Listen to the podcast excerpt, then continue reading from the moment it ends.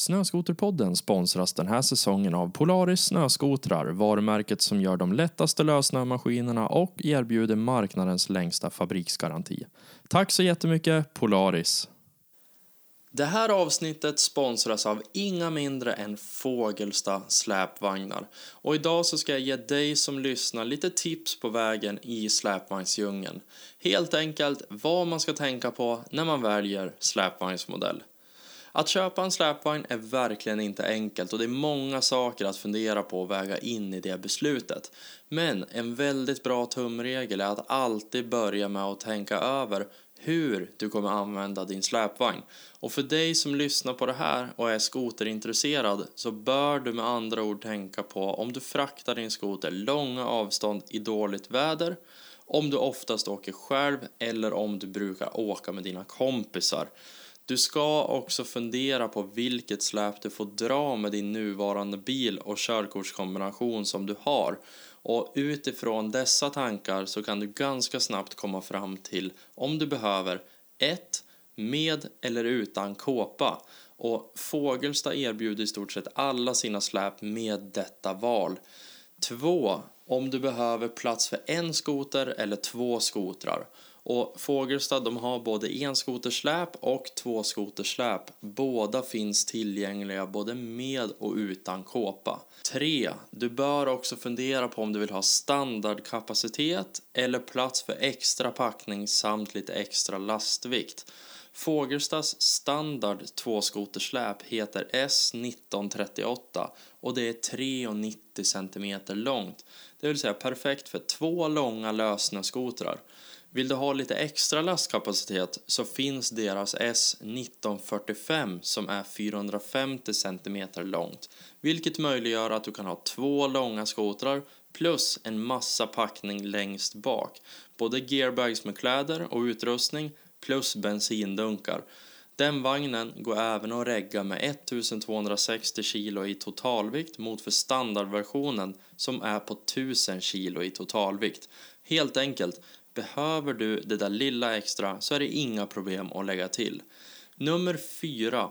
Du bör också fundera på om du vill ha inline eller outline, det vill säga om du vill ha hjulen utanför flakets lastyta eller om du vill ha dem under flaket. Fördelen med att ha outline, alltså hjulen utanför, det är att hela flaket blir slätt och mer lastvänligt för andra saker än just skotrar.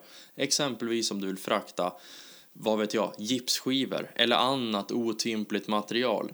Nackdelen med inline, alltså att ha hjulen innanför lastytan, är att hjulhusen tar en del av flakets lastyta.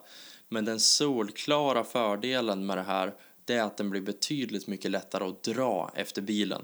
Framförallt om det ligger lite snö på vägen då inlinesläpet går i bilens hjulspår. Inline är helt enkelt mycket trevligare att dra på långa bilresor så den är enligt mig ett givet val om du bor längs kusten och ofta åker till fjällvärlden och spenderar flera timmar i bilen enkel väg för att köra skoter.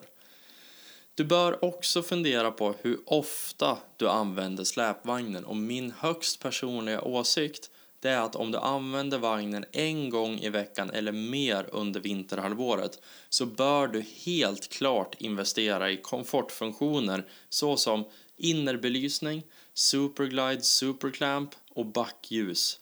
Och där kan jag verkligen rekommendera X-Line utrustningspaketet som Fågelsta erbjuder på sina skotersläp som helt enkelt innehåller dessa grejer och mer därtill. Men de här små tillvalen så underlättas både lastning och avlastning enormt så enligt mig är det klart värt pengarna om släpet används ofta förstås. Fågelsta erbjuder någonting för alla de behov som jag precis har rabblat upp så besök deras hemsida www.fågelsta.com för att läsa mer om de olika modellerna. Nu river vi igång dagens avsnitt med Modshop och FXR-shopens grundare Magnus Wennman. Behöver man köpa stötdämparna för 30 000? Det är klart man inte behöver. Nej. Men vill man? Ja, det är kul. ja, och, och, det blir en märkbar skillnad, absolut. Men, men har, man inte, har man inte råd ska man ju inte köpa, köpa den. Men har jag råd, Eller, eller kan, jag, kan jag unna mig det här? Det är klart som tusan man ska göra det. Hej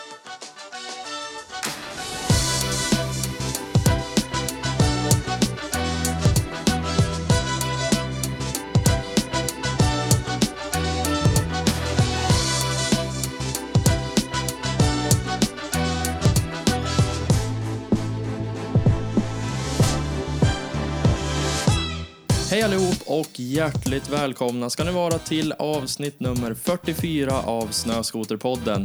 Jag skulle vilja börja med att tacka er poddlyssnare för all positiv feedback jag har fått på de senaste avsnitten. Det är så sjukt roligt när ni skriver till mig på Instagram och berättar vad ni tycker om avsnitten. Och även när ni delar med er av era idéer om nya avsnitt. Så stort tack för det. I dagens avsnitt så kommer ni få lära känna en person som har varit aktiv i skoterbranschen under väldigt många år. Han har synts till fysiskt på olika tillställningar, men har mestadels jobbat bakom kulisserna i skoterbranschen. Hans namn är Magnus Wennman och han är upphovsman till de välkända e-handelsbutikerna FXR-shoppen som av namnet antyder är specialiserade på just FXR sortiment av skoter och crosskläder. Men han är också grundare av Modshop som då är specialiserade på modifieringar av snöskotrar. Jag är enormt glad över att presentera för er, kära poddlyssnare, ett riktigt intressant avsnitt med en riktigt intressant person. Välkommen in i poddstudion, Magnus Wennman. Ja men tusen tack. Superroligt att ha det här. Ja verkligen. Vi har ju, vi har ju försökt ett tag. Ja, det, livet kommer emellan. Ja, men det gör det. Och skoteråkning. Vi skulle spela in redan förra vintern, men eh, då... Ja, vi, vi sprang om varandra helt enkelt. Det vart aldrig. Nej, precis. Hur är, hur är dagsformen? Ja men det är bra. Det är, man får vara i Umeå, det är ju inte så dumt. Nej, exakt. Jag tänkte säga det. Vart är vi någonstans? Ja, nej, men vi är i Umeå och eh, spelar in det här då. Det är ganska precis mittemellan var du och jag bor. Exakt. Och eh, jag har lite andra, annat att göra här också så att det passar bra. Precis. Du, eh, du hade ju varit och eh, hållit på med några skoterdelar här hos en, eh, en kund i, i Umeå. Är det, så, är det så veckorna ser ut om man jobbar på Modshop? Att man, man spelar in lite podd, man är och latchar lite grann med några schyssta skoterdelar och sådär, eller? Ja, gud ja, vi gör ju ingenting egentligen. Vi är ju bara att glassa runt. Exakt. Nej, det hör väl inte till vanligheten att vi är iväg. Vi är väl för det mesta på, på Storgatan 91 i Arvidsjaur. Ja, Och, och kämpa, paket. på, kämpa på där. Packar du paket själv också? Ja, om det behövs. Ja. Absolut. Så det är, det är full fart. Det är det, det som är lite kul. En, en e-handelsbutik, man ser ju man ser ju mycket av det i det digitala, men i verkligheten det är ju liksom full jäkla rulle Ja, precis. bakom Sen, har vi ju faktiskt en fysisk butik också. Så, så att vi, vi är ju... Vi har ju bägge delarna. Sen, sen är det ju e-butiken som, som ju såklart är omsättningsvis större. Men, men eh, vi, vi ligger på ett bra ställe i Arvis så det är mycket skoterfolk som passerar eh, och glömmer grejer och behöver saker eller kör sönder Ja. och, och så. Så att vi är ju vi, vi har ju en fysisk butik man kan gå in till Ja. och, och klämma på grejerna på riktigt och sen har vi då webben som såklart. Det där måste ju vara det bästa av två världar. Eh, just det här att du kan fara dit, du kan panikköpa någonting om du är på väg till fjälls och har glömt något. Samtidigt som du kan vara lite förutseende och beställa vart som helst i landet ifrån eh, och beställa hem lite prylar. Absolut, och jag menar det kan ju vara så att man torsdag kväll upptäcker att nej men tusan det här är ju trasigt och jag ska ju iväg imorgon. Och, och är det så att du säger du åker från Luleå och du, du passerar oss vid sju på kvällen så ring. Så swi- swisha pengarna, vi lägger ut grejerna, vi går till OK, vi går till, alltså det, Ja. vi löser det. Det där är Inga en problem. jäkla fördel med att, med att jobba lokalt i en, i en liten ort. Mm. Alltså det är ju extremt flexibelt. Det här skulle aldrig funka i Stockholm.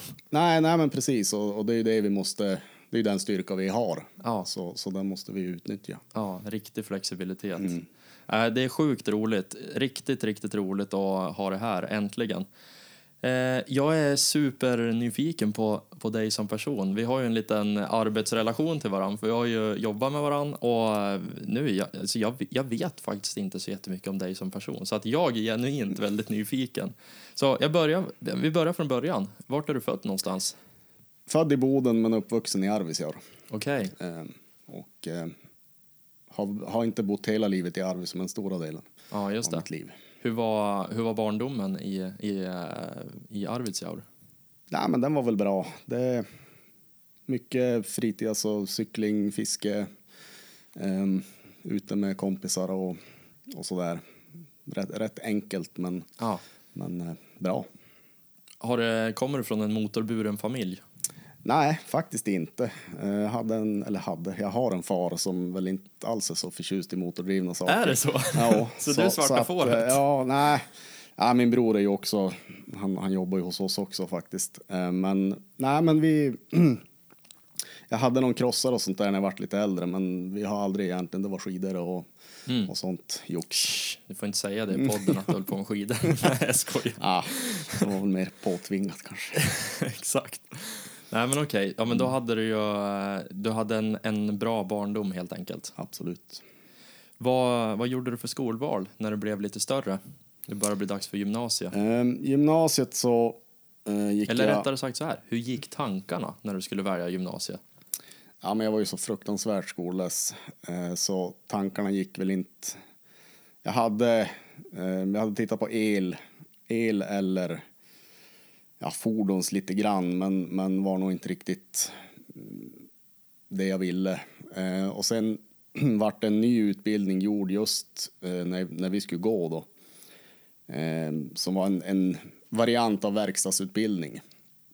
Alltså med svetsning, fräsning, svarvning och så. Eh, Så, så det blev det jag gick i slutändan. Okej. Är du nöjd med valet? Ja, men det var... ja, man är väl medelbegåvad ändå på något vis. Eh, Så att jag behövde inte göra särskilt mycket skoljobb. Nej. Vilket väl var det som var grejen. Jag var inte sugen att plugga. Nej. Du ville bara ta dig igenom de där åren. Ja, men och så var det tre dagar med praktiskt. Man behövde liksom inte öppna en bok nästan, utan det var, det var mycket, mycket praktik, så det var, det var bra. Mm. Hade du några drömmar om vad du ville bli? Mer konkret eller var det mer bara jag tar den här utbildningen och sen är det överstökat? Nej, jag vet väl egentligen inte om jag hade något. Det, det var väl mer bara ett, ett sätt att, att göra det. ja, men det är också ett sätt. Men vad gjorde du när du var klar med den utbildningen då? Vad, vad gjorde du direkt efter skolan? Eh, ja, gud. Ehm, jag hade faktiskt ett, ett jobb på gång precis efter. Jag gjorde praktik ehm, hos en man som gjorde vedklyvare i Arvidsjaur. Men han gick bort på under vintern, det här sista året jag gick. Eh, och företaget såldes, så, så jag stod ju där liksom utan, utan egentligen någonting att göra. Och det vart, eh, det var väl samma veva som jag hamnade i datasvängen. Ehm, så jag började praktisera hos eh, en lokal datafirma i Arvidsjaur. Okej. Lite, Hårdvara, mjukvara? mest hårdvara på då. Ja. Ehm, och jag, byggde, ja, men jag byggde egna datorer och byggde och donade och alla, alla pengar man nu fick in gick ju till, till det där. Mm. Ehm, och jag höll egentligen på med det där rätt länge. I, i, inte som fast arbete så, utan Nej. det, det var liksom man hjälpte till att jobba för att få tag i delar och Ja, Och så. Men det var bara det var praktik? Ja, det var en, en praktik. Sen vart det ju en, en typ av anställning, men inte, man kan inte kalla det en heltidsanställning så, utan jag, jag drev väl omkring. Jag gjorde väl inget sådär konkret direkt efter, efter skolan. Under hur många år höll det på ungefär? Ja, men det höll väl på, vänta nu då, 97 gick jag ju ut. Ja, men 98, eh, för då började jag en eh, programmerarutbildning via Arbetsförmedlingen då. Ett år ungefär, ett, ett och ett halvt. Ja, just det. Sen jobbade jag vid sidan om eh, hos samma IT-företag då, i, under, under utbildningen. Ja. Men det här hade ju ändå ingenting att göra med den utbildningen du hade gått i skolan. Egentligen. Nej, inte alls. Nej. Eh, Utan dataintresset, det, det var ju vid sidan om. Det, man är ju självlärd mer eller mindre. Ja. Så, så att eh, det, jag var väl aldrig ute och, och festa och höll på särskilt mycket under, under ungdomen. Utan det var den där rackarns datorn man satt Jaha. och bråkade med. Ja, exakt. Men det var ju, alltså det här var ju, vi får ju tänka nu, det här var ju liksom millennieskiftet. Så det här var ju väldigt tidigt. Eh, det, är ju, det var ju stor skillnad på IT-branschen då jämfört med nu. Ja, men verkligen. Jag menar, vi, man hade ju inte ens internet när man började med, med datorerna. Så, så att, eh, och det var uppringda modem och man blockerade telefonlinan och, och så. Så att eh, det var upptaget ofta. Ja, exakt. Man kommer ihåg det där ljudet från ADSL när det, började, när det ringde upp. Ja, absolut. Sjukt roligt. Ja, men efter den här utbildningen då så eh, hade vi en tre månaders praktik som i, inom utbildningen där jag eh, via min bror hade en, en bekant som jobbade i IT-svängen nere i Stockholm då. För ett, eh, eller de gjorde affärssystem, eller gör affärssystem. Ehm, och jag fixade praktik där då ehm, och kände två, tre stycken som jobbar på det där företaget då. Så jag drog ner då och praktiserade i tre månader där. Ehm, och sen fick jag anställning på det där I Stockholm? företaget. Ja, Okej. på, eh, och det var ju egentligen då som programmering mm, var ju det jag gjorde praktik för, men det, det hamnade... När jag vart anställd så blev jag anställd som nätverks och servertekniker. Okej. Ehm, och det här företaget hade ju då kontor i en herrans massa länder, 14-15 länder. Ehm, och hårdvaran satt i Stockholm för alltså servrar och, och sådana grejer då. Och även kund, kundmaskiner. Så vi driftar ju driftar både kunders och våra egna grejer då. Och sen åkte jag runt och fixa, fixa nätverksproblem och dataproblem och sånt där. Så jag reste otroligt mycket första året där. Jag vet inte tusan om jag sov i samma säng två nätter i rad. Ja, sjukt. och så kunde man för ja men nu ska du till London och fixa det där. Jaha, men var man där tre dagar och så ja nu bär det av till Vilnius. För nu måste vi fixa det. Och... Shit vad sjukt. Det måste Ja. ändå ha gett mycket. Ja, alltså det, det kommer ju från att man hade ju liksom inte rest själv någonsin. Utan man, man hamnar ju liksom ut i Ja. på, på en gång. Vidga vyerna lite Ja. grann. Hur var det då, att, att komma från Arvidsjaur till att först komma ner till Stockholm? Det måste ju ha varit en eh, jätteknasig upplevelse och sen ut sådär och åka runt i, i Europa också. Ja, nej, men det, det var ju, jag menar Stockholm skiljer sig ju lite grann från Arvidsjaur måste man ju säga. men, eh, nej, men sen var det ju, den, den delen av livet så var det ju, alltså jobbet var ju allt. Jag menar, jag, man, man jobbar ju dygnet runt. Det var ju liksom, man hade ju knappt något, något privatliv. Så, så Inte för att du måste, utan för att det var Nej, kul men det bara. var, det var ju svinroligt Ja. och, och, eh, och få göra någonting och, och, liksom, och dessutom få betalt för att hålla på med de här datorerna man hade suttit med liksom, på fritiden. Ja. Så, så att, eh, ja, det var, och sen som sagt otroligt utvecklande och man, man får en helt annan bild av Sverige och vars man har bott och hur man har haft det och man kanske inte haft det så jäkla dåligt som man har tyckt ibland. Nej. Utan man, vi, är ganska privilegierade i det här landet Ja, med, med mycket som, som vi glömmer bort.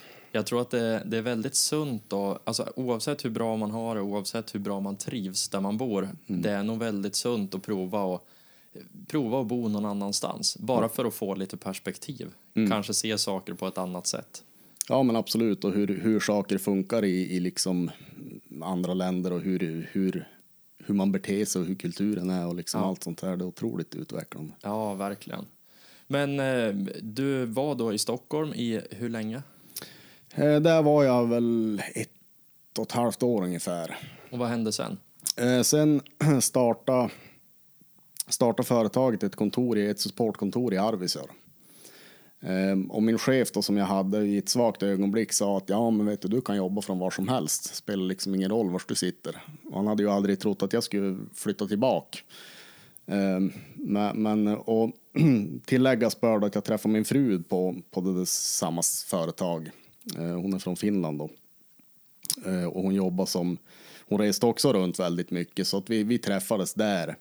Eh, och hon, hon, samma sak sa han till, till henne att ja men du kan sitta var som helst och jobba. Och det här var ju långt före liksom jobba hemifrån under coronatiden. Det, Exakt. det liksom, men det, det gick ju även på den tiden. Men, men eh, vi, vi sa det att nej, men vi, vi, vill, vi vill jobba i Arvidsjaur. Ehm, och så här, bo i Stockholm, man har allt, men ni ville tillbaka till Arvidsjaur. Ja, men och, och lite så. Hon hade, eller har två barn då, sen tidigare och jag gillade min uppväxt på, på ett mindre ställe och jag sa att jag vet inte om jag skulle vilja växa upp i Stockholm. Nej. Inte nu något ont sagt om det, men jag, personligen så trivdes jag med min uppväxt. Ja, men där bättre jag har kvalitet uppväxt. där uppe liksom. Ja, men lite, lite så.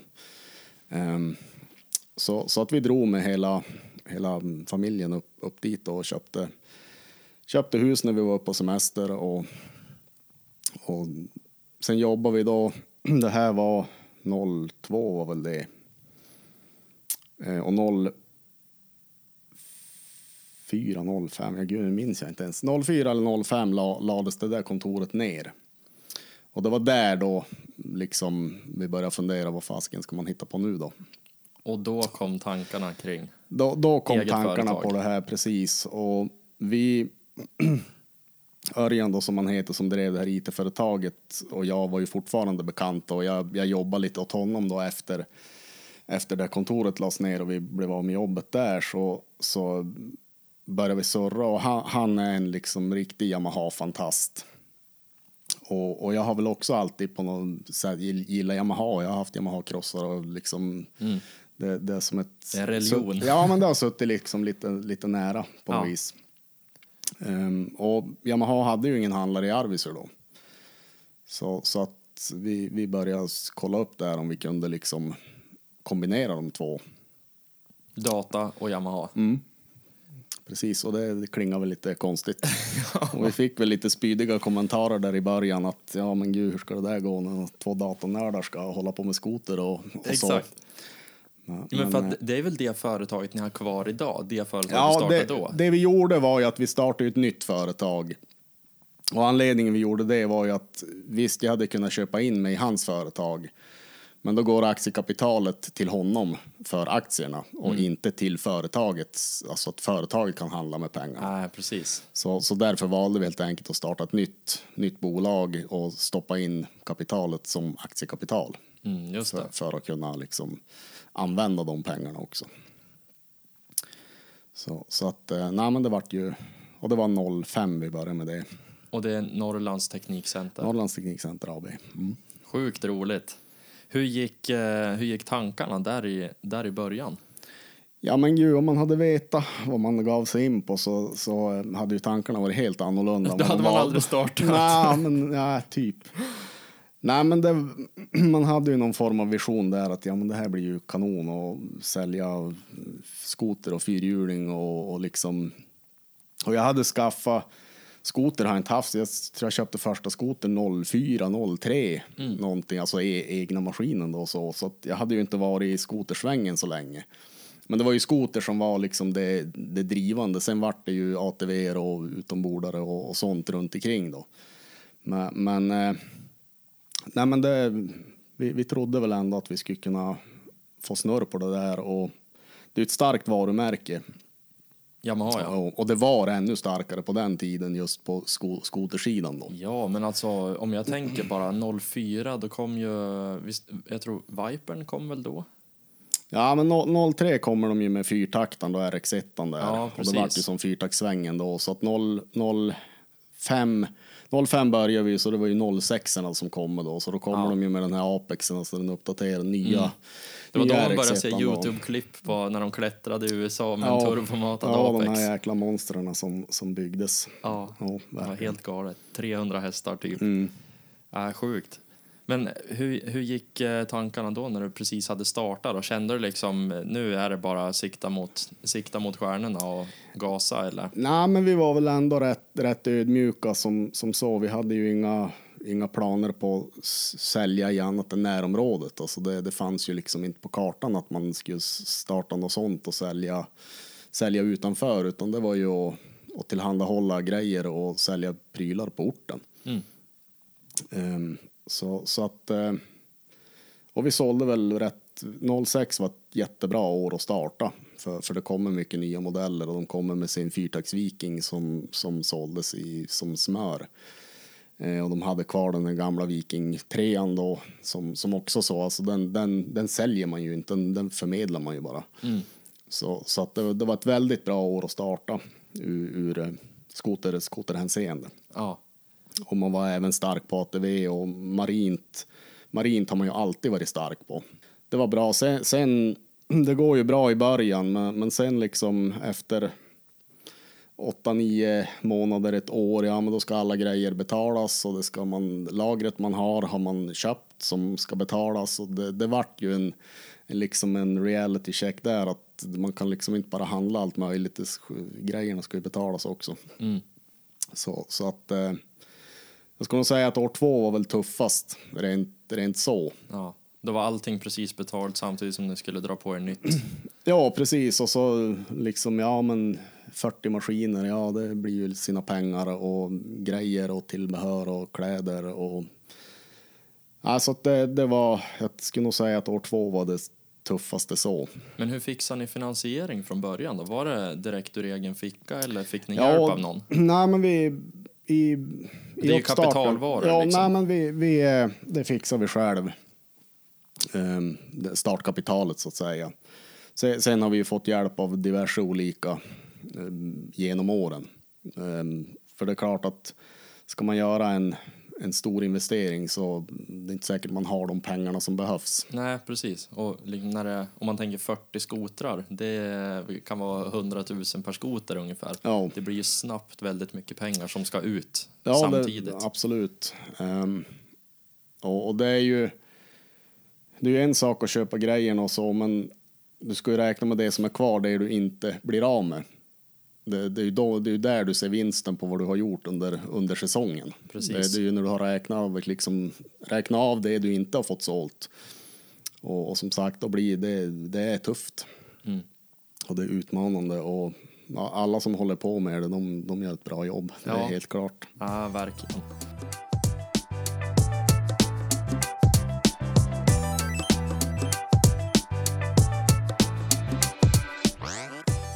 07 då. Ehm, då kommer ju, nu, nu är det här fortfarande väldigt mycket Yamaha för det var egentligen det vi jobbar med. Ehm, och 07 kommer de ju med Facern då, den här äh, spaciga saken som, som ingen hade sett något like till. Ehm, och i samma veva så man hade ju läst alla de här Snow West och Snowgoer och Sled Tech eller vad tusan den nu heter, Snowtech heter den och tidningarna och där de gjorde sina byggen och det var turbosar och det var allt möjligt jox. Um, och jag började mejla med företag som heter Timbersled. Ehm, och de, de gjorde ju då, de gjorde boggisar framför allt och framvagnar och lite, lite fjädrar, alltså stötdämpare och sådana grejer som de sålde. Och så bytte vi in en 03 RX1 turbo. Så tänkte jag att ja men jäklar den där skulle ju vara frän att göra något riktigt, riktigt brutalt med. Ehm, och där, där egentligen startade väl Modshop på något vis. För att ni börjar luska efter eftermarknadsdelar Ja. till Yamahaerna. Ja, precis. Ehm, och, och den där uh, RX1 gjorde vi ju det, det mesta som gick att göra då. Och vi, vi bantade den faktiskt 55 kilo. eh, På, plus att vi ökade effekten då till 300. Så, så att eh, det, det startade med en, med en RX1 blyklump, om man får säga så. Ja, sjukt roligt. Men hur tog ni det vidare därifrån då? Ja, men där, För då hade ni fått idén om att okej, här finns det, en, det finns en marknad på eftermarknadsdelar. Eller eh, det finns en marknad för eftermarknadsdelar. Hur, eh, hur, vart börjar man? Nej, men vi, vi började ju kontakta då. Sen året efter kom ju Nytron då, ehm, som ju var my, mycket mer, mycket bättre än, än allt det andra de hade gjort tidigare. Och sen fick vi tag på ett eh, företag som heter Skins Protective Gear, som väl de flesta vet vilka det är idag. Men vi började mejla med dem då. Ehm, och köpte lite, köpte något fotsteg och köpte någon frontbåge och, och liksom någon huv köpte vi också till Nytron där.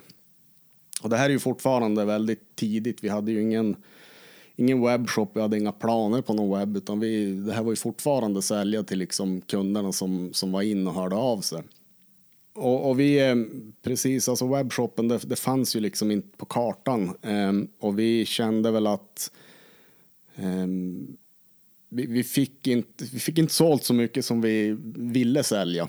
Alltså man, man vill ju alltid sälja mer och så. Och det vart jäkligt tuffa år där, 07-08, alltså det, det höll jäkla på att dräpa oss just för att vi, vi tappade lite fokus på maskinförsäljningen och, och liksom de grejerna som ändå tuffar på och vi, vi vart lite, vart lite för stort sidospår. Ni börjar fokusera mer på att bygga maskinerna men inte faktiskt att hämta in försäljningen. Nej men precis och, och det vart eh, och det, och det var inte lika enkelt heller att få, få ut grejerna som, som det är idag. Om än att det inte är enkelt idag heller, men det, det, var, det var en annan tid helt enkelt. Ehm, så, så att 0, och då 09-10 så sålde vi och byggde om en mängder av Yamaha. För Yamaha hade nämligen problem med, de hade en drös med maskin, korta maskiner som de inte kunde sälja. Ehm, och där då, i och med att vi, vi hade ju liksom kontakter i, i eftermarknadssvängen och, och eh, hade en kontakt, Tracks USA heter de där, som gjorde förlängningsskenor. Ehm, så vi förlängde ju hur många som helst sådana där uh, Nytro RTX då till XTX och gjorde dem 365 lång. Och just det, där var ju superpoppis. Ja, och då, och då fick man ju sälja en matta och det var drivhjul och det var skenor och liksom lite jobb och, och så. Så det, det vart en... Och det var, det var väl där någonstans vi kände att fasiken, det här kanske ändå... Det, det måste gå och, och få, ut, få ut mer grejer. Så att vi, vi började helt enkelt sälja via Blocket köp och sälj. Alltså Ja, snöskoterdelar. Och så annonserade vi där och körde gammal klassisk postorder liksom. Ja. Det där, är, det där är jäkligt intressant för Blocket är ju det är en jätteetablerad eh, plattform för privatpersoner men också för företag. Men det är ju, det kan ju lika gärna vara, eh, agera en webbshop. Det är ju liksom en, det är ju en webbshop Ja, egentligen. och, och speciellt på den tiden. Ja. När, när inte systemen som finns idag fanns. Kommer du ihåg då hur det var runt de där årtalen när man skulle ladda en bild på Blocket? Du gick in på en annons och sen så började den så här buffra liksom och ladda. Det var ett helt annat klimat. Det gick inte på en sekund att Ja. klicka in på en annons då. Nej, precis. Ehm, nej, men och, det, var, det var riktigt framgångsrikt. Alltså, vi fick mycket, mycket business därigenom. och vi drev ju även en hel del kunder till butiken då att ja, men de skulle upp till fjälls och så passerar de Arvidsjaur då så då klart då, då kikar de in och då var man ju kanske sälja på dem något, något mer eller något annat eller så. Och det, det var väl där då vi började, för till slut då vart det ju så jäkla knasigt som det kan låta då att det blev ju för mycket jobb med att hålla på och manuell sälja. Ehm, och då, då började vi ju fundera på att, starta då en webbshop och vi hade väl, det var ju Modshop då som, som kom av det. Sen hade vi även, vi, vi var rätt duktiga att sälja kläder i, i butiken. Men, men stod ju för de problemen att vad tusan ska, alltså allt som blir kvar. Hur ska man få ut, få ut det sista? Mm. Alltså den här dubbel-Xen i fel färg som ingen då tydligen vill ha. Nej. Eh, Utan hur, hur, ska man, hur ska man få iväg allt? För det, det, det låter ju bra med kläder och mm, konfektioner, högmarginalprodukter i, i handelssvängen. Men om man har kvar 30 procent, då är det ju ingen högmarginalprodukt längre. Nej, då är ju all marginal där. Ja, precis. Så, så att... Eh, så därför valde vi ju då 2012 tror jag det var eh, att vi då startade Modshop som, som ju var bara skoterdelar var ju tanken med det då. Och så startade vi FXR-shoppen. Eh, och vi fick lite hjälp från FXR och, och eh, liksom var ju det första vi var väl först egentligen med att erbjuda hela FXR-sortiment. Ja, och jag tror att däromkring, alltså många trodde nog att det där var FXRs egna webbshop. Ni var ju liksom extremt nischad och gjorde det väldigt bra tidigt på ett varumärke. Absolut, och vi fick faktiskt FXR-shoppen är designad av FXR. Alltså den loggan är gjord av FXR, så det är därför den ser väldigt lik ut. Ja, just det. Så, så att det, och det, det var ju liksom... För vi, vi stod där och, och slet också med att vi, vi måste få upp omsättningen om, om man ska kunna haka, alltså det, det blir alltid kvar grejer. Och liksom omsättningen måste upp, an, annars blir det aldrig lönsamt. Nej. Men hur, eh, vad, hur, hur gick starten då? När ni, när ni hade lanserat de här webbshopparna, var det då bara att sitta vid ett skrivbord och sitta och klappa fingrarna och, och vänta liksom? Eller var Ja, ni men- tvungen att verkligen pusha för att få Nej, in men försäljningen? då, då så jag menar, sociala medier och marknadsföringen fanns ju inte alls på samma sätt utan vi, vi smög ju igång det där egentligen. Eh, och det var väl till viss del rätt klokt också för vi, hade ju ett, vi köpte ju ett e-butikssystem då som, som ju så här i efterhand var ju helt fel. Men, men det var mycket manuell hantering även där då. Vi hade ingen koppling med affärssystemet vi körde med utan vi, vi satt ju manuell knacka egentligen allting. Så, så fick vi en order i webben, ja då matade vi in den i affärssystemet och så bokade vi frakten manuellt och så skickade vi ut det där. Mm. Inte så effektivt. Och, nej, inte värst. Sen, sen, var det ju, vi, vi sålde ju fortfarande Yamaha och det, det gick rätt bra och vi hade ändå bra försäljning. Men, men någonstans så, så vart det ju återigen där då att volymen vart för hög för att kunna ta hand om alla ordrar. Um, och sen den, den största, eller största, den, en stor grej vi då valde att göra, det här är nu då 2015 är det. Um, och då Modshop gick, gick bra. FXR-shoppen har alltid varit större omsättningsmässigt. Um, i, I och med att det, det, är högre volym på, på kläder så det är enklare att sälja ett par handskar än en, en skoterdämpare för 30 000. Liksom. Ja, och sen är det ju det är så dyra grejer och gemene man köper ju rätt dyrt på, jag kan tänka mig på FXR-shoppen, medan de kanske inte köper exakt lika dyrt på Modshop och inte lika ofta. Nej, nej precis. Eh, en så... overall kostar liksom 6 000 spänn, men det är ju typ vad, nästan vad en matta kostar om man köper i Modshop. Men du konsumerar fler overaller än mattor kanske. Ja, men precis. Och så är det ungarna växer och man, man river sönder eller man glömmer. Precis. Eller, liksom, eller så är det ju den nya färgen man måste ha ja, till sin exakt. nya skoter. Um, nej, men så, så där 2015 beslutade vi oss faktiskt för att sluta sälja snöskotrar. Var det då för att Modshop och FXR-shoppen tillsammans var så pass stort och omsatte så pass mycket så att ni behövde det inte eller var det mer att ni såg att det var bättre ja, potential där? Fokuset vart ju mer och mer på, på eftermarknaden och, och vi kände väl att det är mycket roligare med eftermarknaden mm. än att hålla på med maskinerna. Och vi, jag, menar, jag minns så jäkla väl när vi satt på, på någon Yamaha-konferens och så presenterade de nya maskiner och så sitter jag där och bara fasiken det där går ju att göra mycket bättre och varför har de gjort så där och fan mm. det där kan man ju göra. Tankarna börjar snurra ja, alltså, liksom. Man var liksom aldrig, man tänkte bara att man, tusan vad kommer de med, varför gör de inte så här? Ja. Och, och någonstans så, men det, det, stora, alltså anledningen är ju att fokuset vart mer på eftermarknaden än vad det var på att sälja maskinerna och man tog hem maskiner och de stod, stod i butiken men det vart liksom, det var ingen som jobbade aktivt att sälja mm. grejerna. Så, så att det vart... Eh, och sen nu, nu är det ju inte bara jag som, som har gjort allt det här i företaget. Alltså vi har ju Nej, några stycken och, och det här med, med att sluta med Yamaha var det faktiskt inte jag som, som kom med idén eller pushade igenom utan det var Mattias som han jobbar inte med oss längre men, men han var... Det är din medgrundare? Ja, eller ja, han, han gick in som delägare när Örjan lämnade 09 då. Eh, men, men det var hans egentligen, han var den stora anledningen att vi faktiskt gick hela vägen och, och fimpade Yamaha om man får säga så. Ja. Um, men hur gick det då, då, när ni hade tagit det ändå drastiska beslutet? Ja, alltså, sen ska tilläggas också, vi, vi byggde ju otroligt mycket turbo, turbokonverteringar på Yamaha eh, med med hjälp av MC Express då i Piteå. Han gjorde ju hur mycket turbokit som helst till de där och vi, vi byggde ju massor med maskiner. Så vi hade 20-25 maskiner vi byggde något år. Eh, och sen kom 2016 modellerna. Och då gjorde Yamaha om motorn. Eh, man bytte vevstakar och lite annat jock som gjorde att de pallade inte turbo längre. Just det. Och det där var ju också en sån där jäkla jättesten vi körde in i. För vi hade ju sålt massor med maskiner med, med turbokonvertering och sen visade sig att de håller ju inte med, med turbo utan du måste byta vevstakar och du måste göra ditt och datt och det fanns inga vevstakar och de vi fick tag i de var ju svindyra och det är svin mycket jobb och, och liksom allt bara, vi, vi föll ju bara platt. Mm.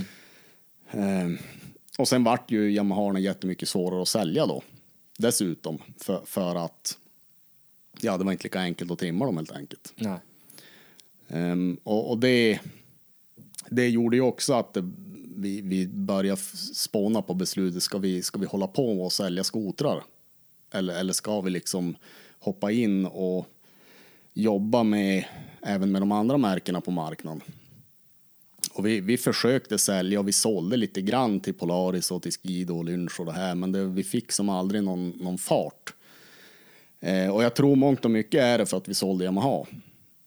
Ja, folk förknippade er så starkt med Yamaha kanske. Ja, men och vi, vi kunde ha in en i butiken som, ja men gud, jag funderar på en frontbåge till min Skido.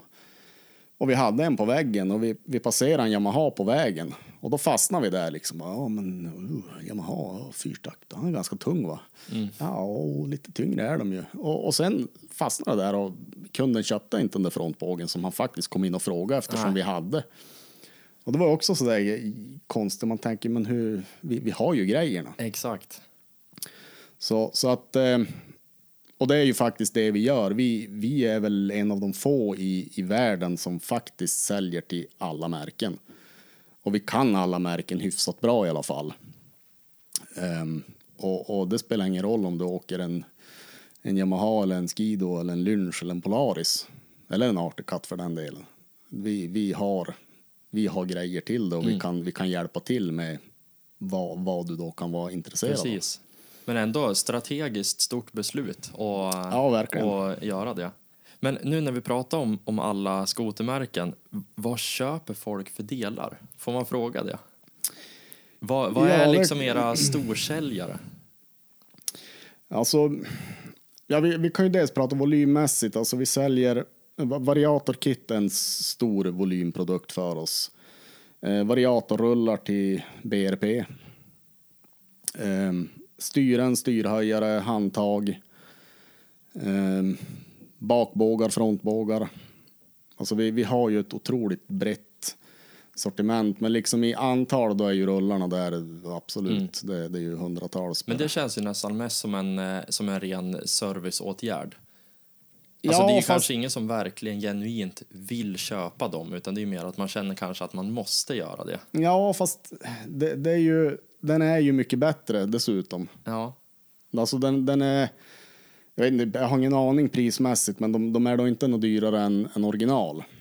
Men, men det, det, är bättre prestanda i dem för du får det är mindre friktion i dem. Just det, vilket, vilket, egent, ja, vilket egentligen är vad vi håller på med. Vi, vi förbättrar di, din maskin med det vi säljer. Ja, exakt. Det, det, är inte så att, att originalmaskinen är dålig. Absolut inte. De är ju svinbra idag, en skoter. Men, men det finns saker som, som inte är bra. Mm. Och som en tillverkare inte kommer att kunna göra så som vi kan göra det. Nej, Nej och det handlar väl också om att när, när en maskintillverkare gör en skoter, den ska ju passa alla. Den ska ju passa en 65-åring, den ska passa en 16-åring. Det ska vara något ja. slags mellanting där man möts på mitten. Ja, absolut. Men det... det... blir ju inte personanpassat som man kan göra med er. Nej, och, och framförallt så, så är det ju det att att den ska ju gå att massproducera dessutom. Ja, det också. Men det finns ju extremt många saker som man kan köpa till sin skoter på eftermarknaden. Liksom, ni har ju ett enormt sortiment och allting är ju verkligen efter tycke och smak. Men enligt dig, vad förhöjer körupplevelsen rejält? Ja, men det, det beror ju lite vilken, vilken budget man har. Ja. Um, för, för det är klart att har man tusen kronor då, då är det ju inte så mycket man kan göra. Man kan absolut förändra skoten. Alltså jag skulle säga, har man, en, har man en tusenlapp så, så är ju eh, bromsantag. Mm, har man små, händ, har man små händer. Eh, så här justerbart bromsantag så man kan ställa in det. Ja, eller, eller ett hand. icke justerbart, bara ett som är lite närmare, närmare styret. Bromsskyddsbehållare, eh, fräckare handtag. Mm och, och jag, jag, skulle säga så här att det första man, man bör göra, men nu, nu har jag lyssnat på lite andra du har intervjuat som säger att nej men gud man behöver inte byta någonting på en skoter, den är perfekt ur kartong. Och jag, Alla håller, jag, olika. jag håller inte med så.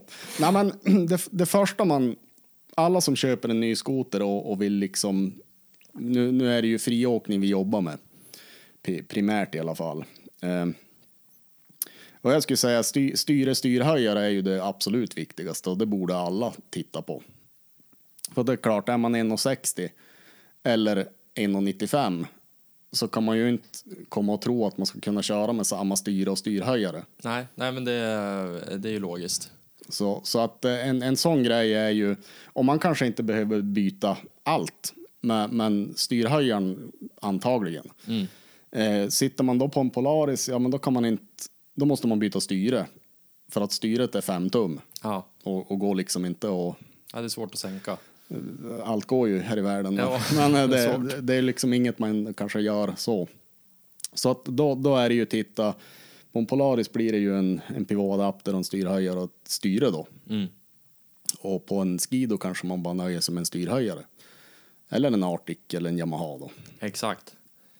Men eh, då finns det någon guide man kan gå efter? Om du säger att styre känns som det absolut viktigaste, eller styre och styrhöjare. Men finns det någon Ja. tumregel? Ja, alltså egentligen är ju... Jag brukar göra så att om man ställer sig på maskinen, låt oss nu säga att du har en, en skoter i ditt garage. Att man stä, ställer sig på den med skoterkängor på. Stå inte i tennisdojorna för då är du 2, 3, 4 centimeter kortare. Och då kan det kännas kanon. Medan när du står med skoterskorna så blir den lite låg då istället. Så, så att eh, ställ dig med skoterkängor på och så ta lös styret. Och så håller man liksom, va- vars känns det, vars har jag lite böj på armarna? Hur- Måste jag upp eller ner? Eller, upp är det ju väldigt få som behöver i, i dagens maskiner, men, men hur mycket ner behöver jag komma? Sen, sen är det klart att man kan ju gå, fara runt till en skoterhandlare och se om de har något eller någon kompis som kanske har en, en likadan maskin eller så. Men har man ingenting annat så skulle jag säga skruva lös styret och så känn, känn liksom. Det är ett sjukligt bra tips. Det är så enkelt också, det kostar ingenting. Man Nej. behöver inte köpa, montera och inse att oj, det här varit fel, jag vill returnera. Ja, nej precis. Det är ju lättare att bara ta lös och känna lite grann. Sen ta fram tumstocken och se hur högt är ja, det. jajamän. Sjukt bra. Men ni är ju väldigt kompletta i dagsläget i ert sortiment. Ni har ju, som du säger, ni har ju allt ifrån liksom billiga saker till eh, det här superdyra dämparkittet för 30 000 kronor. Men vad saknar ni i ert sortiment? Kan du hinta om någonting som, som är på G som ni jobbar för? Eh, ja, alltså vi... det har ju hänt en stor grej som vi inte alls har pratat om, men Skins Protective Gear har ju varit en, en tillverkare som egentligen har drivit hela skoter, ut, utvecklingen av hur en snöskoter ser ut idag. Exakt. Ehm, och de meddelar ju i herregud, vad det då? februari, mars att de, de lägger ner. Ehm, Ja, de gick ut vitt och brett och det vart ju lite Ja. ramaskri i branschen. Ja, och jag, jag fick ju veta det här lite tidigare då i och med att vi har ett så tajt eh, samarbete. Vi är ju goda vänner med, med ägarna och så. Så, så att jag fick ju en härlig sten i magen och så bara jäklar vad tusan ska vi göra nu? Vad- Det vad var, liksom- vart en till sån här grej som när Yamaha inte kunde Ja. ha turbo längre. Ja, precis. Eh, nu, nu är det ju så att de, de har ju inte... Alltså det man gjorde var ju att man sålde ju... Eller man sa upp en massa personal eh, för det första. Man var ju 30-35 pers var de ju när de var som, som störst. Eh, och jag menar, de producerar ju sådana mängder som ingen kan fantisera sig ihop till. Ehm, och jag menar, vi, det, det har alltid varit lite leveransproblem och leveranstider från dem. Men, men å andra sidan så producerar man 5000 frontbågar så, så är det tufft och Svetsat i USA. made in USA ja. Mm.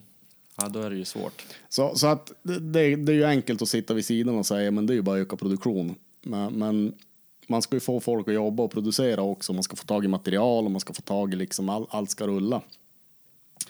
Ehm, så man sålde egentligen av, man hade tre fastigheter i, i Phoenix då. Så man sålde av två, två fastigheter, man sa upp ganska mycket folk, ehm, man sålde iväg mycket maskiner och gamla, gamla jiggar och gamla grejer. Och man är faktiskt igång igen och producerar. Nu är det primärt till Polaris Matrix-plattformen då. Eh, huvar, bågar, bromsantag, eh, styren och lite någon packväskor och sådär. Men man har tagit bort böset runt omkring. Gamla Man har, produkter. man har kapat liksom fotsteg, framvagnar, dyner, tankar, eh, liksom de här stora grejerna, fjädringsdetaljer, det är väck och nu ska man aldrig säga aldrig, men jag tror aldrig att vi ser något mer sånt från dem. Nej. Inte, inte i den kapacitet de var tidigare i alla fall. Nej, exakt. Eh, och vi, vi tittar väl där med, med dem om, om att göra lite grejer, men ingenting som, som är klart nu. Spännande. Så, men men de, är, de är ju fortfarande... Eh, Jeff som äger och driver det där är ju... Han, han kan ju inte låta bli. Jag tänkte ju det för mig själv, inte kommer jag kunna lämna det där. Det är ju omöjligt. Det är ett men, livsverk ja, liksom. men, men ja, vi får se vad, vi, vad han klurar ut här Ja. i framtiden. Spännande.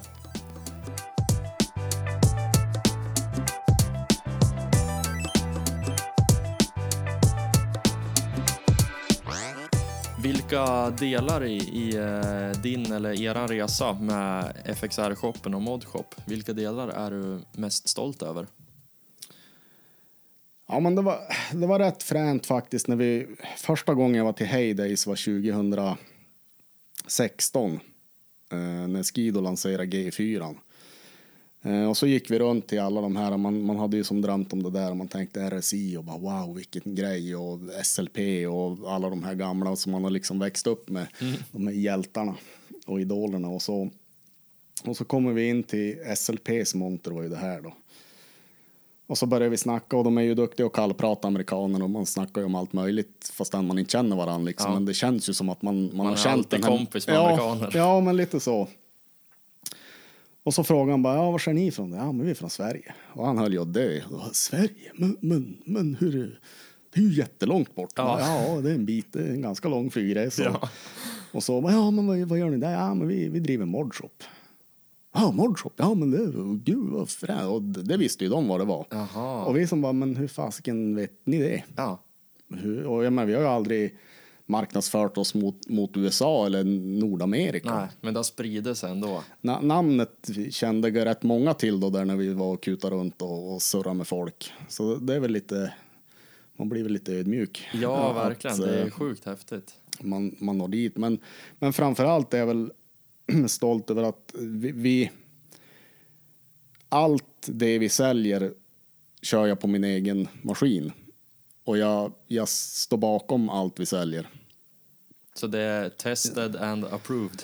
Ja, och nu då kommer vi ju in på det här med varför man egentligen börjar i den här svängen 05 tänkte man jäklar nu kommer jag köra hur mycket skoter som helst. Det här blir ju kanon. Eh, Men det, det blir ju liksom mindre och mindre skoter varje år på något konstigt vis. Det tragiska är ju att det är så. Så att man, man kör ju inte så jäkla mycket skoter längre som man, som man kanske hade velat. Eh, och jag menar, vi provar mycket. Merparten av grejerna vi säljer har vi ju provat själv eller vi har folk i vår, vår omgivning som, som kör och testar, testar väldigt mycket åt oss. Men, men vi, vi står bakom varenda produkt vi har på webbshoppen. Det, så är det. Det är faktiskt någonting som man... eh, Det är nog ganska unikt att tänka så idag, 2022, då, när vi spelar in det här. Eh, Det, är, det känns som att många, man jagar ju bara tillväxt, omsättning, man vill växa, man vill bli större. Men det här att faktiskt stå bakom varenda produkt, det, det är nog ganska unikt tankesätt. Och sen vill jag bara knyta an till det du sa där om Modshop i USA. Det är ju ett sjukt bra namn. Ja, Det är ju tydligt. ja, Eh, och det har ju hängt med länge nu, men eh, det, det åldras med värdighet tycker jag. Ja, nej, men och det var ju också, vad, vad tusan ska vi kalla oss? Hur, hur ska vi...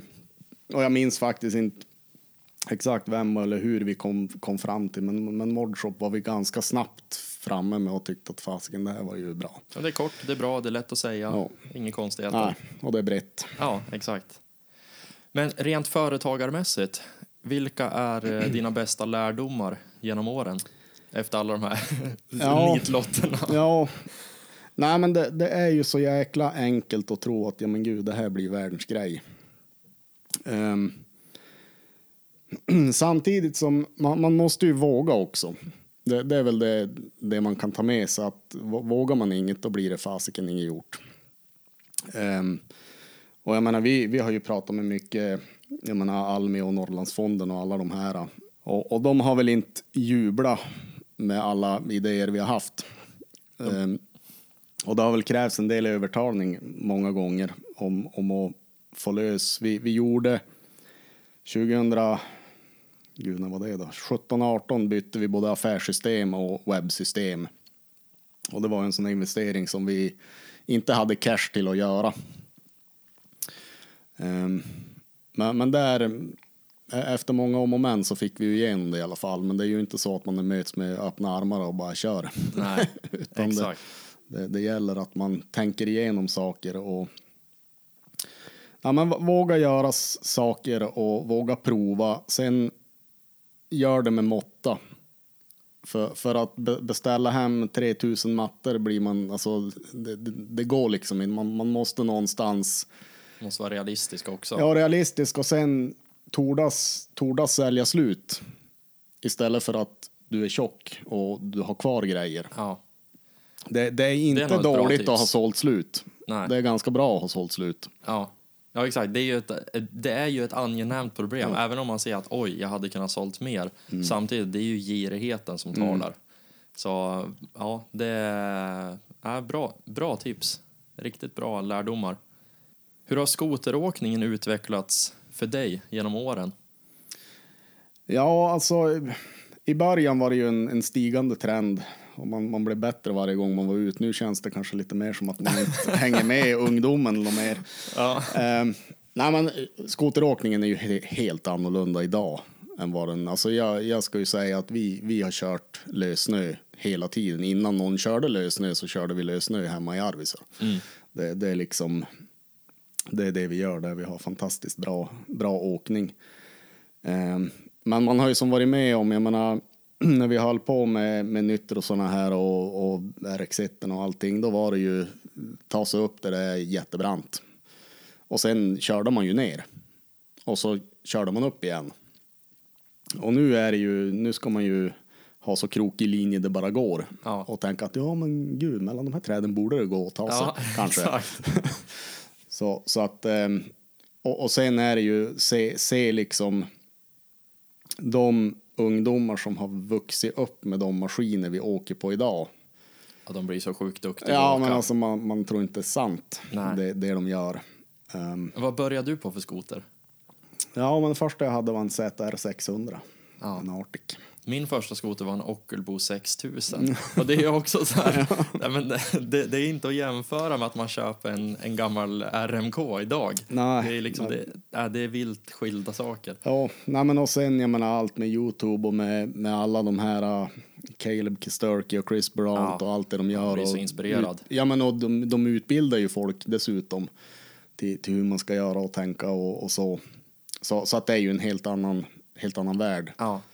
Kan du känna ibland att jobbet tar, eh, ha, eller, tar eller har tagit glädjen från skoteråkningen? Absolut inte. Alltså det, det är ju det, Ja, det, är ju det roligaste jag vet och, och jag har inga nu, nu för tiden om, om vi får ut och kör då är det ju för att, för att ha kul. Jag, Mm. jag har ingen plan att åh, nu måste jag utveckla min vänsterskråkörning här Nej. för att det är lite dåligt utan vi, vi får ju ut för att ha roligt. Ja.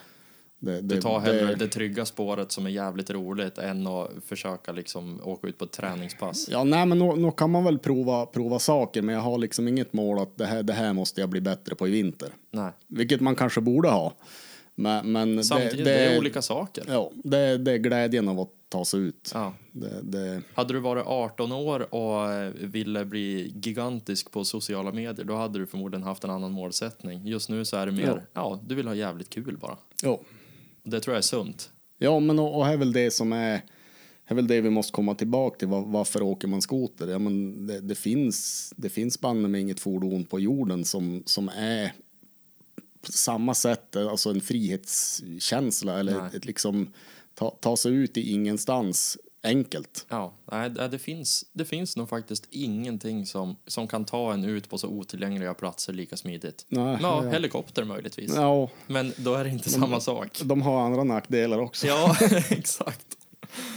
Men eh, vad ska du åka för maskin själv i år?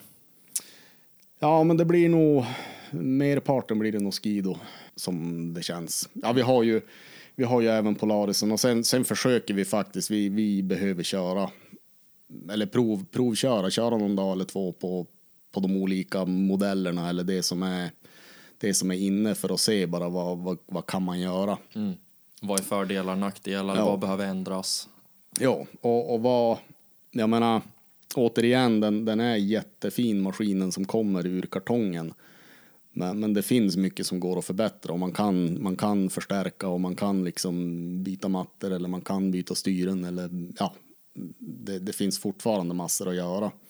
Det, det, det handlar ju, jag menar det, det har ju skoteråkning, behöver man köpa stötdämparna för 30 000? Det är klart man inte behöver, Nej. men vill man? Ja, det är kul. Ja, och, och det blir en märkbar skillnad, absolut. Men, men har, man inte, har man inte råd ska man ju inte köpa, köpa det. Men har jag råd? Eller, eller kan, jag, kan jag unna mig det här? Det är klart som tusan man ska göra det. Ja, exakt. Menar, det, det, där tror jag, det där tror jag är viktigt att tänka på. För ibland då kan man ju också bli så här att man, man kanske håller igen för att man inte behöver. Samtidigt är det någonting som man är väldigt intresserad av och man tycker genuint att det är roligt. Ja, men varför inte prova då? Är det, inser man efter ett år att det inte var någonting, ja men Ja. sälj det då. Ja, men precis. Och, och jag menar det här att ja, men jag behöver inte det här för att jag är inte så duktig. Ja, men ju sämre man är, ju bättre grejer Ja, behöver man ju. Det är ju jag menar, jag, jag har ju jättefina maskiner jag åker på, men jag är långt ifrån något S i, ute i skogen. Exakt. Men, men vi, vi, vi vill ju, vi vill ju förenkla för folk och folk ska ha kul på skoten och har man mer kul med lite av våra grejer då är det ju ännu bättre. Exakt. Och det, det, det, kvitt, det kvittar vad man kör så länge man kör. Ja, helt rätt. Vart hittar man bästa skoteråkningen enligt dig? Ja, det är ju hemligt såklart. Ja, Det är ju hemlig jaur. ja Eller- exakt. Ja, men om man ska prata... Alltså, USA är ju... o- Om man har ambitionen att, att man vill liksom åka, åka stort, då, då är det ju bara att åka över. Jag menar, åka över till Klippiga bergen eller åka till Whistler för den delen. Alltså all, allt på andra sidan är ju så mycket större. Och, och de, har, de har höjdmetrarna som vi bara kan drömma om. Ja, det blir ju, backarna tar aldrig slut. Det är det Nej, som är och- som skillnad. Det är liksom nya platåer, nya dalar Ja, hela och, och tiden. det, jag menar, man, man kan ju he sig in i värsta riset där också, men, men du behöver inte. Det finns, alltså det finns allt. Eh, och du har höjden och du har liksom duktigt folk och det, det snöar alltid. Det, det finns alltid snö. Det är ju bara om du kommer dit och det har snöat en meter eller om det ligger fem meter. Ja, jag har en rolig historia faktiskt från när vi var med Skins första gången och körde. Och då, då åkte vi, det var när de var i Minnesota.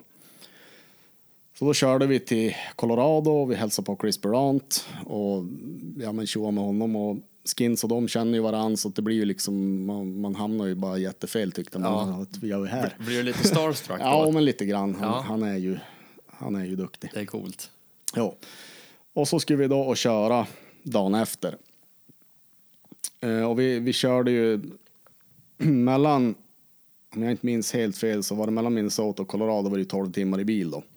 Ja, det är sådana sjuka avstånd. Och alltså. om man liksom, det var järnet i, jag ska inte säga hur fort de kör, men de kör jävligt fort med släp. På sommardäck. Eh, ja, precis. Ja, men och så var det liksom tre timmar och så nitade vi in på en mack och så var det bara att fylla tanken och så tre timmar och så nita in kaffe, fylla tanken och så vidare. Och jag minns jag och Mattias var det som var där då och vi började räkna, undrar hur mycket soppa han drar den här. Och så var det ju gallons, då fattar man ju ingenting av hur, hur mycket en gallon var. Men vi, vi klurade ut i alla fall att fy- 4,8 liter mil låg han och drog skeva dieseln som vi åkte med. Är det sant? Ja, men vi låg ju i 130 med det där 12 meters släpet. Ja, och de tryck på liksom. ja, men max. alltså här var ju inget. Var, farthållaren var på 125-130. Så, så vi, och vi bara, oh, bara vi inte ska dela på sopparäkningen eller någonting. Vi kommer ju fan inte ha råd med det här. ja, en sidolinande jävligt Ja, kul. ja, men sjukt roligt. och när vi då kom till Colorado så var det ju alltså vår, vår i, inget ont om Umeå, men i Umeå. Alltså blö, blöt asfalt, blöt snö, ingen snö. Alltså vi, det var ju liksom 20 centimeter snö nere i stan där vi tänkte, men vad är det här? Det här är ju värdelöst.